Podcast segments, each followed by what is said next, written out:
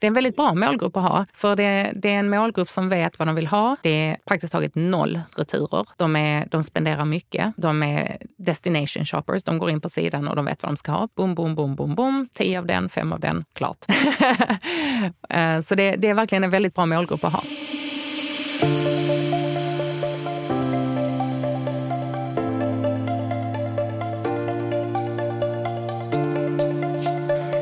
Och välkommen till Detaljhandelspodden avsnitt nummer 46. Och vi som pratar är som vanligt Jonas Arnberg.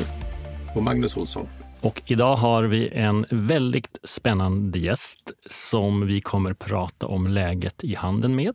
Vi kommer att prata om hur det är att vara en liten specialist, premiumnischad i en värld av jättar och pristransparens. Vi kommer att prata om marknadsföring och massa mer. Varmt välkommen hit Jenny Rydström på Jents, grundare och ägare. Välkommen! Tack så hemskt mycket. Innan vi sätter igång vill jag bara hälsa från våra vänner på e-boxen som är med oss och hälsar att eh, nu finns det ännu fler leveransboxar där ute. De finns nära där människor bor och visste ni att snart finns det lika många boxar som utlämningsställen? Kan ni tänka er? Ett viktigt meddelande också till alla ni som planerar inför Black Friday och jul och storhelgerna är att se till att öka valfriheten för kunden genom att koppla upp er mot e-boxen. Vill ni veta mer så prata med ert transportbolag så säkrar ni maximal flexibilitet och eh, frihet för konsumenten i checkouten. Eh, ni kan också lyssna på avsnitt 28 av Detaljhandelspodden där kommunikationschef Marcus Trautman på e-boxen gästar. Eh, nu kör vi! Kan inte du berätta om Jens? Du startade det för 18 år sedan. Just det, 2003. Eller 4, 2 kanske. Jag kommer inte riktigt ihåg. Det är ingen som riktigt kommer ihåg. Nej, men, vi startade då. Det var jättelänge sedan. Jag gjorde e-barometern på HUI då. Vi började, jag tror inte ens det fanns någon e-handel att mäta då nästan. Nej, det var, det var ju helt annorlunda på den tiden. Eh, man knackade sin egen kod på den tiden. Eh, min kusin gjorde det och eh, ja, men sen bara växte det efterhand ganska långsamt, men ganska tryggt också, utan några större ekonomiska risker. Men hur kommer det sig att du började med... Du, det fanns väl en lucka för det mesta då, men du kom Ja. från den här industrin eller hur hittade Inte du den här alls. luckan? Liksom? Inte alls. Jag var eh, skattejurist på den tiden. Och eh, mina två kusiner, den ena var programmerare och den andra var bara affärsman. Och eh, vi slog oss ihop och ville starta någonting. Så det var mer bara att vi letade efter en lucka. Och då blev det detta. Ja, men det blev skönhet för män och rakning och hudvård och hela biten. Och det här var ju bara några år efter IT-kraschen. Hur var liksom tajmingen då? Fanns det pengar? Såg man pengar som entreprenör då? För det, som Jonas sa, det fanns nästan ingen e-handel att mäta. Nej, det var väl inte det att man tänkte och jag ska bli så rik, utan det, var, det, var ett, eh, det startade som ett hobbybolag. Och det var också rätt så skönt att det inte var den här stressade hypen, att man måste bara skala, skala, skala. Det fanns inte alls då, utan eh, det var bara att man skulle hitta sin nisch och få igång en affärsverksamhet. Och det är ganska skönt faktiskt att slippa skalningshysterin. Och då var logiken väl precis som nu, men den blev ju uppenbar då, där- då när nätet kom. att nu Via nätet kan, kan ett, ett nischat koncept bära sig på ett annat sätt än, än en butik. Eller är kunderna, är det samma kunder då som nu? Ja, men det är ungefär samma kunder. Men då på den tiden så kunde ju nästan allting bära sig, tyckte jag. Om man, man kunde ju satsat på vad som helst. Och många av de som är generalister idag, de startade ju också då eh, som generalister. Bara det faktum att de fanns på nätet. Men det var ju långt innan de stora jättarna som Åhléns och, och company kom online. De, jag tyckte de började komma online 2007, 2008 ungefär. Så det är fem år utan konkurrens. Liksom. Ja, precis. Men då får man också tänka på att det fanns ju inte heller så mycket kunder på nätet. De stora, de stora jättarna kom ju online när marknaden var där. Eh, Men vi började bygga redan innan. Så vi fick Hjälpte de dig alla. då att så bygga marknad eller var de bara jobbiga? Nej, varken eller, tänker jag. På den tiden där i början, då fanns det ju ingen retailkunskap på nätet heller. Det fanns ingenting om IX eller kundvärv eller sådär, utan det var ju mer bara, det var ju unga killar som satt och knappade kod och de kunde inte ett dugg om att sälja någonting egentligen. De var bara bra kodare. Och det var ju också därför butikerna såg ut som de gjorde och det var allmänt dålig användarvänlighet. Och användarvänlighet är ju ungefär samma sak som att sälja mer. Så att när de stora jättarna kom online, det var då först man började se de här resonemangen online. Merförsäljning, uppförsäljning, hur ser kundvarvet ut online och sådana bitar.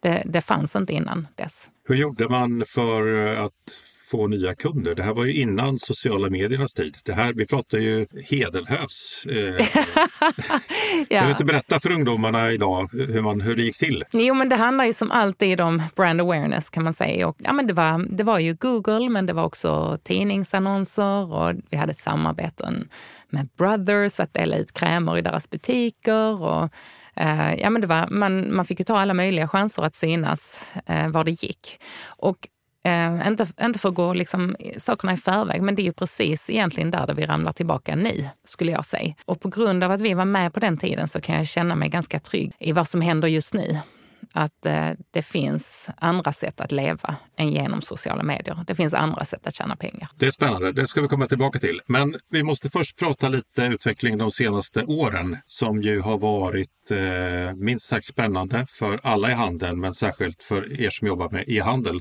Hur är läget idag efter pandemin, eh, men med en begynnande lågkonjunktur? Ja, men det är ju tufft såklart, men vi ligger ganska tidigt i konjunkturkurvan så att vi vi såg dessa förändringarna redan för ett år sedan, att, eller ja, nästan ett och ett halvt år sedan, att konsumenten blev inte lika köpenägen längre och det var, det var tuffare också att nå ut till konsumenten. Så redan då började vi ta höjd för detta och vi har rensat rätt så rejält eh, i vår organisation, i våra kostnader i, under ett helt år. Och sen när Ukraina hände den 24 februari så sjönk vår omsättning 40 procent på en enda dag.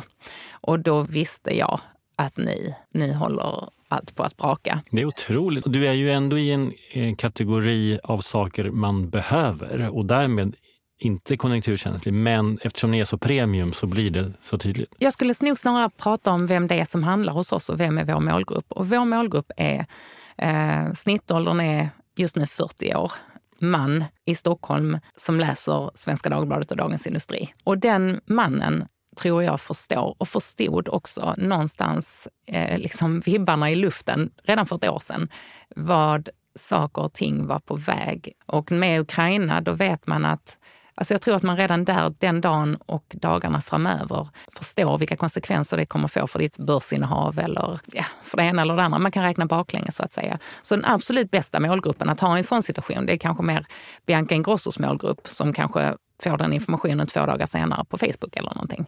Så på det viset så, så ligger vi tidigt i konjunkturkurvan och jag, jag tror och jag hoppas att våra kunder redan har tagit höjd för det som kommer. Jag tror man visste det redan i våras när man beställde sina solpaneler, att det kommer att bli tufft. Vilken eh, häftig målgrupp. Eller eh, häftigt att kunna göra den analysen utifrån... Eh... Det är en väldigt bra målgrupp att ha, för det, det, är en målgrupp som vet vad de vill ha. Det är praktiskt taget noll returer. De, är, de spenderar mycket. De är destination shoppers. De går in på sidan och de vet vad de ska ha. Boom, boom, boom, boom, boom. Tio av den, fem av den, klart.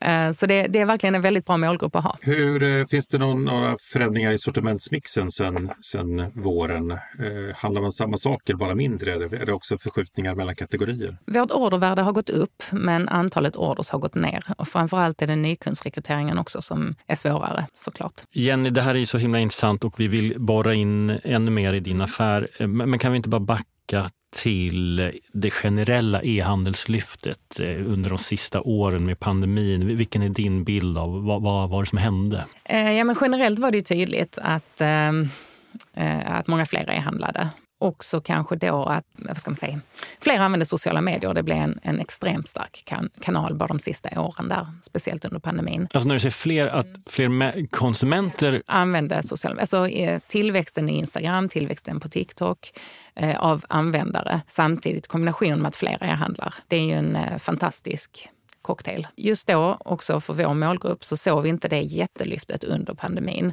Och kanske är det också då därför att de här 40-åriga männen inte är aktiva på, ja knappt TikTok alls. Instagram till viss del kanske. Då är det nog större, mer på ja, LinkedIn och sådana sociala medier. Så vi såg inte ett jätte, jättelyft under pandemin. Vilka är dina tuffaste konkurrenter? Är det liksom Lyk och Kicks eller är det någon annan? Jag tror det är utspritt. Jag har ju en sån här, gjort en sån här konkurrentkarta, eller vad man ska säga, eh, där jag delar in, ehm, där jag delar in dem i pull och push och online och offline. Eh, och alla de aktörer du nämnde där, eh, det kan vara Boost, det kan vara Lyko, det kan vara Apotea. Alla är ju konkurrenter till viss del. En del offline konkurrent kan vara till exempel taxfree. Inte därför att den är billigare egentligen, utan därför att våra kunder är affärsmän som mm. reser mycket och de passar på att göra sina ärenden när de har tid. Och det är ibland när man väntar på flyget. Så att jag tror att alla till viss del bidrar, men vi har ingen sådär stark direkt konkurrent. Möjligtvis då kanske de varumärken vi säljer som eh, själv kör direct to consumer. Och nu ser vi att eh, efter pandemin så är det en, dels en återgång till butik, men vi har också, mm. som du själv var inne på, kriget och den konjunktursvacka vi går in i nu med högre räntor, inflation, elpriser och allt vad det är som gör att vi kommer hålla igen. Vad är din bild av e-handels-Sverige, den e-handelsfrossa som har drabbat branschen? Vad är din analys? Vilka kommer försvinna och vilka är kvar? Liksom? Det, det kommer såklart bli tufft för dem som eh, har haft sin huvudinkomst via sociala medier. Dels på grund av då iOS 14 som begränsade möjligheten att segmentera och få liksom utväxling för dina marknadsföringskostnader. Det är nytt för mig, men det är någonting som Apple har begränsat? Ja, precis. Ja, men det var ju för ett år sedan, eller lite mer än ett år sedan, som gör det svårare att eh, ja, få utväxling för de pengar du satsar så att säga. Eh, och sen har väl det då varit ganska tufft i ett år. Och sen eh, nu i somras så har ju Instagram aviserat vissa förändringar som också kommer att göra svårare i det att de flyttar fokus från relationer till intressen. Och många av de direct to consumer brandsen som vi ser, deras um, affärsmodell bygger ju i mångt och mycket på relationer. Så att när användaren då istället att se saker som intresserar dem istället för det de är relaterade till så tror jag att vi kommer att se konsekvenser där. Så hela den här liksom D2C-resan kan bli tuffare? Mycket, mycket tuffare, tror jag. Men det öppnas ju och stängs fönster precis hela tiden. Och det är också en av skillnaderna mot 2005 eller 2003 att då gick allting ganska långsamt. Det var liksom välkänd, beprövad teknik man använde. Och det som vi ser nu, det är att det kommer... Det är sån otrolig hastighet i allt. Och det är dagsländer i allt ifrån plattformar till arbetssätt, kanaler, allting. Så det gäller att hänga med. Men, men i det där vill jag då säga att jag tror att det är bra att ibland backa tillbaka och fundera över grundförutsättningarna i ens verksamhet. Vem är målgruppen? Vad, gör målgrupp, vad, vad har målgruppen för värderingar? Hur kommunicerar vi? Var kan vi hitta målgruppen på något annat sätt eller någon annanstans? En fråga där med sociala kanaler. Det är ju rätt beklämmande hur alla har lurats in i den världen. All, alla använder samma kanaler, är beroende av eh, när de här plattformarna ändrar sina algoritmer eller sitt, sin uppsättning. Hur kan man bygga en hel industri på det? Ja, men är det inte bara så att liksom ett fönster uppstod, om man säger så, och det var vissa som såg det fönstret. Och grattis till dem som har totalt gått all in där och kammat hem sina många, många miljoner och sen så stängs det fönstret igen. Det är så jag tänker. Jag, jag skulle nog inte säga att någon har lurats in i det, utan jag skulle nog säga att folk har sett den möjligheten och tagit den. För det är ju också en, en, eh, en stor omställning som väntar du då om, eller det har redan hänt, inte längre om, eh, men i sättet att attrahera nya kunder eh, och sättet att kommunicera med kunderna. Där ja, men en hel generation har vuxit upp med viss affärslogik. Eh, och nu ska man liksom ändra om. Eh, bara det är en utmaning i sig. Ja, det är en jätteutmaning. Hela vår marknadsavdelning är under 30 år. Och jag har sagt i flera år, vi har världens bästa marknadsavdelning. De, liksom, de löser allt. och nu, eh, när vi då behöver skifta tillbaka till gammaldags branding och ta helsidor i Dagens Industri, så är de lite lost. Så att, på ett gulligt sätt alltså. De vill ju väldigt gärna lära sig, men det, det är, väldigt, det är lite kul faktiskt att gammal är äldst. Fördelen med liksom performance marketing är ju att det är lätt att mäta och så. Eh, hur ser du på det? För du är alltid också väldigt duktig på att bygga varumärken. Tack så mycket. Hur mycket liksom pengar har du lagt i varje del? Liksom? Ge oss bilden. Hur ja, men just nu så lägger vi mellan 15 och 20 procent i branding. Och det blir ju en nästan bara offline, den där brandingen. Och resten lägger vi, lägger vi fortfarande på performance marketing. Men eh, jag tycker att eh, vi har fortfarande inte riktigt kommit in i den den gamla modellen om jag säger så. Så vi behöver göra mer. Om jag skulle gå tillbaka till det samarbetet vi hade med Brothers 2005, eller vad det var. Att vi skulle behöva göra fler sådana saker. Vi behöver utforska mycket, mycket mer och ja, men rulla tillbaka och se vad var det vi gjorde då som gick så himla bra egentligen. Men, och det måste väl, ni har ju en attraktiv målgrupp, så det måste ja. vara Brothers skulle väl bli jätteglada om du kom dit? Ja precis, men nu, har vi, nu är vi faktiskt inte, nu är inte Brothers vår, vår målgrupp handlar inte på Brothers längre. Det gjorde de, det gjorde de då för 15-20 år sedan. Nu har de börjat tjäna pengar. Sorry Brothers. ja. Sådär. Men man får bara tänka annorlunda och, och egentligen kan man gå tillbaka till sig själv och vad, vad gör man själv nu? Hur lyckas man sälja varumärken i en värld av total pristransparens mm. och väldigt hög konkurrens? Därför att det handlar om livsstil. Det handlar inte om pris. Ehm, det handlar om livsstil och vem är jag och markörer för din identitet. Eh, och det spelar ingen roll att du vet att ehm, Le Labo till exempel, att den tvålen kostar 20 kronor att tillverka. Eller Rituals för den delen. Eller någonting annat. Du vill ju ändå, du behöver den livsstilsmarkören i ditt badrum eller inte bara för att andra ska se det, utan jag tror du behöver spegla dig i den själv. Jag tror inte att pristransparens, det kommer inte drabba den målgruppen. Eller det kom, ja, det, den målgruppen tror jag är lite befriad från det som, som vi riktar oss till. Den bryr sig inte om pristransparens. Men däremot, jag är gift med en man som är extremt prismedveten och eh, vi har helt olika konsumtionsbeteende. Och han har inga problem att köpa den blaskigaste handtvålen så länge den är billig. Och det, det är jätteintressant att men, se hur han resonerar. Ja, men och den målgruppen har du ju ändå inte, så det är lugnt. Men hur är det, du måste ju bli irriterad ibland när ni gör en jättefin annons i café. Så kan jag läsa café och se att ja, det där var schysst och så går jag in och tittar på Apotea vad det kostar där, så kanske det är billigare där. Alltså där vad säger du till den kunden? Eh, men de varor som vi annonserar är ju nästan alltid våra egna varumärken. Eh, så om du köper den på Apotea så tjänar jag ändå 20 procent på det. Shit vad smart du är. ja, men för jag tänkte lite på jag kan tänka lite på Caro Carl också. Mm. Alltså att så här, är det jobbigt att vara en aktör som på något sätt bygger varumärke? Mm. Sen är konsumenten, kalla mig smart eller snål eller olojal eller illojal kanske man säger och går in och liksom letar där det är billigast. Ja, jag skulle inte vara irriterad på konsumenten i, det, i den situationen. För det är ju konsumentens rättighet och nästan skyldighet att på något vis utvärdera vad han ska köpa. Men jag hade varit irriterad på varumärket och det har jag blivit flera gånger. Det är därför vi har börjat bygga de här egna varumärkena. Därför att för, för många år sedan, alltså då går vi tillbaka till 2006 eller 2007, så sålde vi ett varumärke eh, inom rakning som vi verkligen byggde i Sverige och vi satsade så mycket på det. Vi var exklusiva återförsäljare i Sverige. Och sen en dag så bestämde de sig för att ändra det och så la de över exklusiviteten på någon annan som började, och då, kände, då kände man sig dum, för vi hade lagt ner så fruktansvärt mycket pengar på det. Och då sa vi att det ska aldrig hända igen, utan vi bygger inte andras varumärken, vi bygger våra egna varumärken. Och andras varumärken får gärna hänga med, så att säga. Eh, för ju mer trafik vi drar till vår sida, ju mer säljer vi av allting annat också. Så så är det. Och ibland är det faktiskt så att de externa varumärkena, de hjälper ju till att dra in kunden. Så att det, är, ett sam, det är en samverkan eh, men det behöver vara balans i den samverkan mellan oss och de varumärken vi säljer. Man kan inte sätta sig i en position att din affärsmodell blir för ömtålig. Du måste kunna stabilisera upp den. Jenny, vad har hänt i er bransch eh, med D2C? Är det många varumärken som kör sitt egna? Mm, det är det. Eh, många av dem, Molton Brown, det är många, många varumärken som kör D2C. Byredo. Återigen, det har, de, det har de all rätt att göra. Vad finns för för och nackdelar för dig med det? Fördelarna är att de, de bygger brand awareness och det gör det mycket, mycket enklare att sälja ett helt okänt varumärke som vi tar in eller som vi bygger upp. Där, om jag bara jämför då med hur en säljare agerar i butik så kan det ta, det kan ta en, en timme att sälja in ett okänt parfymmärke till en kund.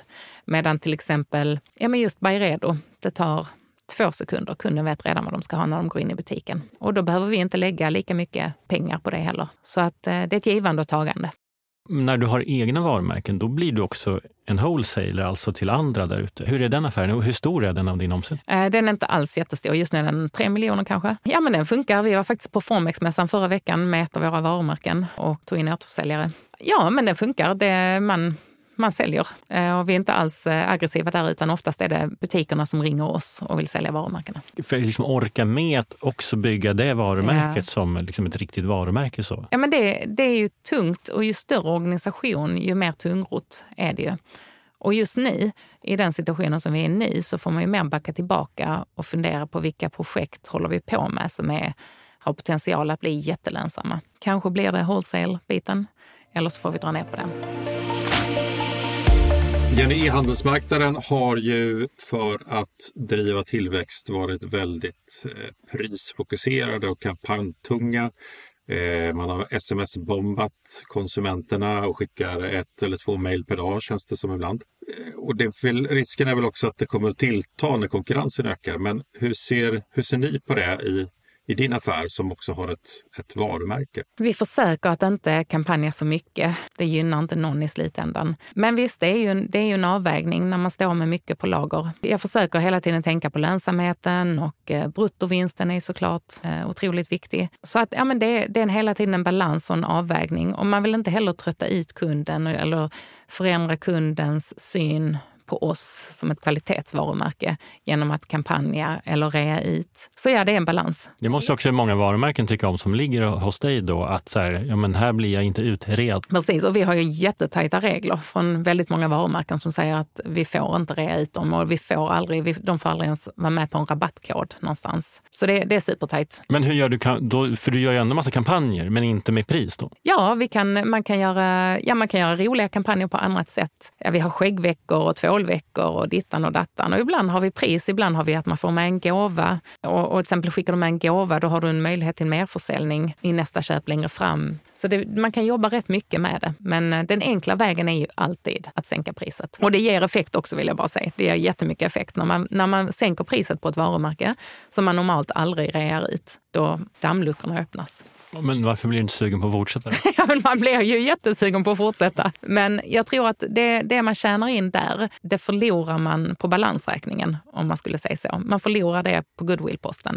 Och kostnaderna för att få en ny kund, vi var inne på det lite grann innan, den tenderar ju att öka nu för alla. Hur tror du att man ska tänka framåt om man är handlare? Hur mycket, hur mycket behöver man lägga på marknadsföring? Alltså det är ju en, en extremt eh, viktig och grundläggande fråga som, som affären måste ha koll Man måste ha koll på det, så att säga. Eh, och där man behöver ju alltid sätta det i relation till lifetime value av en kund. Så om en kund, och det, det skiljer ju sig från, från bransch till bransch. Eh, och det gör ju också att man kan lägga olika mycket på en kund. Jag kan ta ett exempel. Vi startade en ny frisörkedja för ett och ett halvt år sedan under varumärket Gents. Och när man har en frisör, eh, då kan man tänka att kunden kommer tillbaka och tillbaka och tillbaka om och om igen när du väl fått in kunden. Så lifetime value på en frisörkund kan vara ja, men det är 4 000 kronor och uppåt. Nu klipper vi mest män. Det kostar 349 kronor just nu och eh, man kan räkna att kunden kommer tillbaka var sjätte vecka under en viss tid. Och då kan man, vet man ju också att vi brukar brukar räkna baklänges och så säger vi en tredjedel får det kosta av lifetime value. Medan kunden på Gens, på gens.se, har en, en helt annan lifetime value. Där har du också en annan eh, bruttovinst, så att där, där ser uträkningen annorlunda ut. Så att jag tror att man måste sätta anskaffningskostnad kund i förhållande till lifetime value och sen så, försöka, och sen så liksom modellera upp en resultaträkning där man ser att alla bitarna går ihop. Och så får man bara försöka förhålla sig till det. Men den här resultaträkningen då, det, det, det är därför lifetime value kommer in. För lifetime value syns inte på en resultaträkning. Men du måste ändå ha med det i beräkningen. Kan du inte berätta, du gör ju kampanjer på massa olika sätt. Du la ut på LinkedIn innan sommaren, eller om det var i somras, mm. när du cyklade omkring med dina barn i ett område och delade ut lappar och fick väldigt snabb eh, respons och data på det som du bjöd på. Ja, men egentligen började det faktiskt med ungarna för att det är så himla mycket tjat om speltid och allting där hemma. Och eh, de kan konsumera hur mycket speltid som helst. Och då tänkte jag att de får börja jobba för den där speltiden. Samtidigt så hade kostnaderna för annonsering online gått upp och en frisör är ganska lokal. Så då tryckte vi upp flyers för mindre än 10 öre stycket och sen så cyklade ungarna ut med dem och la i brevlådor. Och vi vet historiskt sett, för vi har faktiskt gjort detta förut, det är att vi får, nu skrev jag 3% på det där LinkedIn-inlägget, men sanningen är att det faktiskt ligger mellan 3 och 6% konvertering på en flyer i brevlådan på just vår typ av tjänst, det vill säga en frisörtjänst i bostadsområdet. Och då kanske du har skaffat dig en återkommande kund? Då. Ja, precis. Och då har du en lifetime value på den där kunden som är 4 000 kronors plus. Så att det är en extremt lönsam affär trots att den är så himla analog. Kan du jämföra den med om du hade gjort det på Instagram? Det är extremt mycket dyrare att göra det på Instagram. Mycket, mycket dyrare. Ja, en uppmaning kanske blir en vanlig syn framåt hösten hur e-handels vd cyklar runt i sitt kvarter och delar ut flyers. Mycket spännande. Det finns ju fler kanaler, för det är ju inte bara en e-handel, det finns ju butiker också. Eh, butiker, salonger, slash barer, det är nästan man får in många olika saker på, på era ytor. Kan du inte berätta hur ni, hur ni tänkte när ni skapade den? Jo, men butiken från början var, alltså de fysiska butikerna, var från början ett eh, krav från leverantörerna att om du ska sälja till exempel Aqua di Parma, det var den första som satte kravet, så måste man ha en fysisk butik. För kunden måste kunna dofta. Om, om de inte har det kravet på sina återförsäljare så, så kommer det till slut inte finnas någonstans att kunna dofta på Aqua di Parmas dofter. Så det var ju bara att köra igång då. Därför att som ni förstår så är det ju uppenbarligen jättesvårt att sälja parfymer online eftersom det är någonting du behöver dofta på från början. Så hela parfymindustrin är beroende av att det finns fysiska platser att prova parfymen på. Och då körde vi igång med det 2007 och det var ju jättejobbigt. Därför att det är en helt annan verksamhet att öppna butik än att driva någonting digitalt från ett kontor. Så vi sålde inte alls mycket de första åren, katastrofalt lite, innan vi liksom satte oss in i hela den här retail-biten som sen har visat sig vara väldigt värdefull också för e-handelssidan. Eh, med uppförsäljning, merförsäljning, hela den biten. Ja men nu, de tuffar på. Vi har som sagt tre stycken. Det, det är både positivt och negativt att ha butiker. Det är mm, jättebra för varumärket. Det är, stor, det är mer varumärkeskännedom än vad man tror. Det är som en enda stor billboard egentligen. Det som är svårt, det är att det är en helt annan kultur i butiken än vad det är på ett kontor. Det, det, är rätt så tufft att vara ledare i en butik och för frisörer. Men varför då? Därför att det är en annan företagskultur. Och det, det, är väldigt svårt att kombinera det. Det är ju människor som tycker om att sälja och prata med människor. Det är känslomänniskor och de är härliga individer. Och det är där, också därför de är anställda, för att de är härliga individer som kunder gillar. Men när man då kommer från en kontorskontext där alla springer i samma riktning och det är väldigt digitalt och det är väldigt mätbart, så kan det ibland krocka i hjärnan på mig. Ja, men det är svårt att leda två så olika företagskulturer. Tror du att det också är en av nyckeln till att det inte är så många som är bra på det här? Alltså, vi har ju ett, eh, ett omnikanal-Sverige som växer fram verkligen. Både e-handlare som öppnar butik och kedjor som öppnar e-handel. Och de flesta har, finns väl i båda kanaler idag. Men eh, det är fortfarande inte jättestort. Jag vet faktiskt inte. Jag bara, jag bara tänker att det krävs en väldigt hög insats arbetsmässigt och företagskulturmässigt och så för att starta en butik som ett digitalt varumärke. Är det här också anledningen till att du inte har en i Stockholm? För då, om du har din målgrupp här, och Jag vet. Du, varför har du ingen butik? alltså vi har nog funderat i 15 år på att starta en butik i Stockholm och vi har varit så nära så många gånger, men det har alltid fallit på den distansgrejen.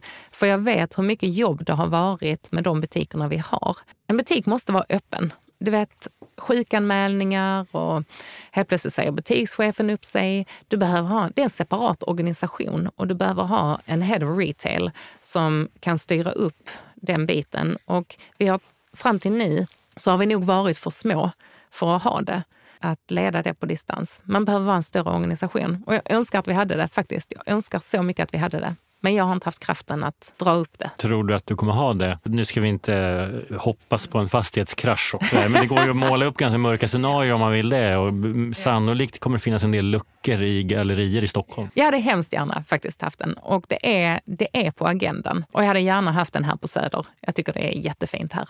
Och jag tycker om Stockholm jättemycket, så det hade varit kul att ha en, en butik här. Det ser vi väldigt mycket fram emot.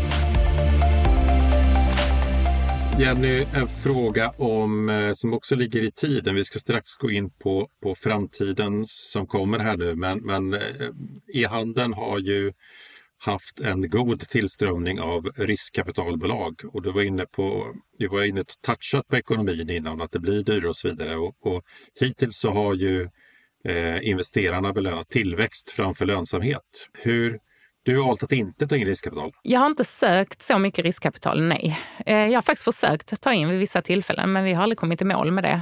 Eh, det har inte varit så stort intresse. Och hur, liksom, hur, har det, hur har det gått de senaste åren? För att ni har balanserat runt ett positivt resultat. Ja, det har vi gjort. Det senaste året var negativt tror jag. Ja, men vi, har, eh, vi har satsat på en tillväxt men vi har också satsat på att bygga värden. Mycket i de egna varumärkena och det kostar att utveckla eh, egna varumärken, det kostar att branda upp dem. Så jag tror att mycket av vår egentligen potentiella lönsamhet har hamnat där istället. Och nu får man inte ta upp egenarbetad goodwill på balansräkningen men annars hade vi nog haft ett fett, ett fett kapital där. Hur tror du att det här kommer förändras när, när tillväxten i branschen liksom inte är lika självklar? För att vi, vi brukar ju vara lite elaka i den här podden, eller jag brukar vara det och, och uh, säga att en stor del av e-handelns tillväxt är inte för att e-handeln är bra utan för att alternativet har varit ett kast. Och sen har riskkapitalpengar kastats på företag som mm. kan liksom visa en, en snabb tillväxt. Mm. Och det har vi valt andra, eh, en annan väg och det är kanske därför som det inte har varit riktigt lika spännande. Men tror du att din eh,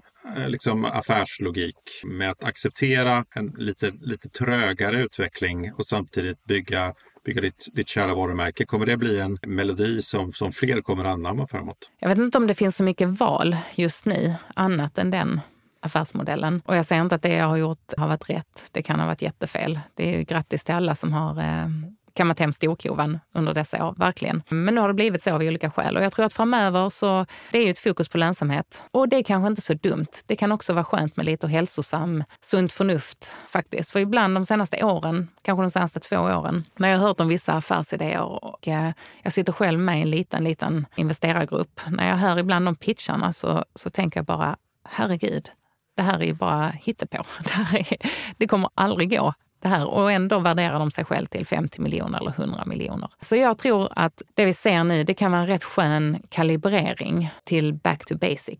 Eller up to basic, up för to de basic. som inte, aldrig har varit på basic-nivå. Och de e-handlare som eventuellt stänger på vägen då, tror du att den omsättningen går till andra e-handlare eller till butik om vi är kvar i en så online offline värld? Liksom kommer e-handeln koncentreras till färre och större eller får vi en tillbakagång till butik? Jag vet faktiskt inte. Alltså egentligen handlar det om hur, hur vill kunden handla? Och det blir väl en mix kan jag tänka. Och vem vet? Alltså vem hade kunnat förespå Instagram för tio år sedan? Eller hur vi kommer handla om fem år? Det, det beror ju helt på vilka, vilken ny teknik som kommer då. Jag tror inte vi kommer stå stilla.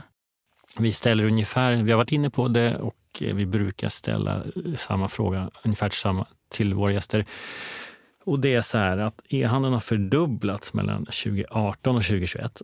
Mm. Och så tror vi att den kanske har fördubblats, trots e-handelsfrossa så, så har den säkert fördubblats igen om fem, sex år. Vad är de stora skillnaderna då jämfört med idag? Mm, jag tror att de stora har blivit ännu större.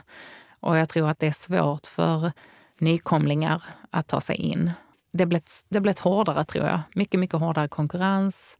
Kanske har vi andra sätt att jämföra, inte bara priser utan det finns nog andra jämförelseverktyg. Ja, när du började en gång i tiden, då liksom hade alla en hemsida. Nu har ju nätet utvecklats till att bli liksom fler, på samma sätt som att det finns flera olika fysiska koncept. Det finns varuhus, det finns eh, big box och, och, alla möjliga varianter. Lite den uppdelningen får vi även på nätet med eh, marknadsplatser och vi har D2C-aktörer som skapar sina egna kanaler och vi har olika typer av, av social shopping och så vidare. Och så vidare. Vad, vad tror du om formatutvecklingen?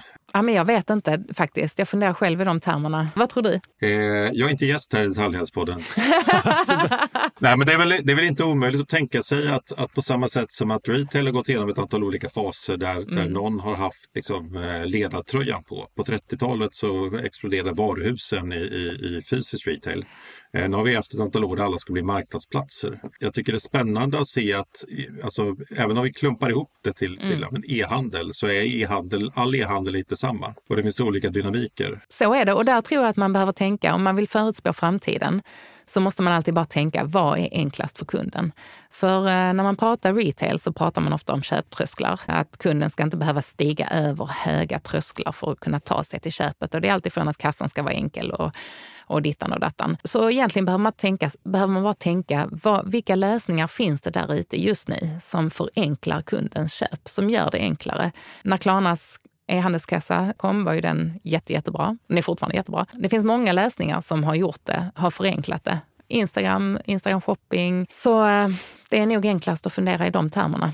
Inte fundera på vad retail ska göra eller det ligger inte i företagarnas händer, det ligger i kundernas händer. Och sen så får företagarna får anpassa sig och, och finnas där, där det är enklast för kunden att handla. Det brukar vara en god idé att lyssna på kunden. Om vi tvingar dig i, du, vi utgår från Helsingborg, du har en butik i Väla, en i City Mm. och så har du ett bra e-handelsområde. Om du, mm.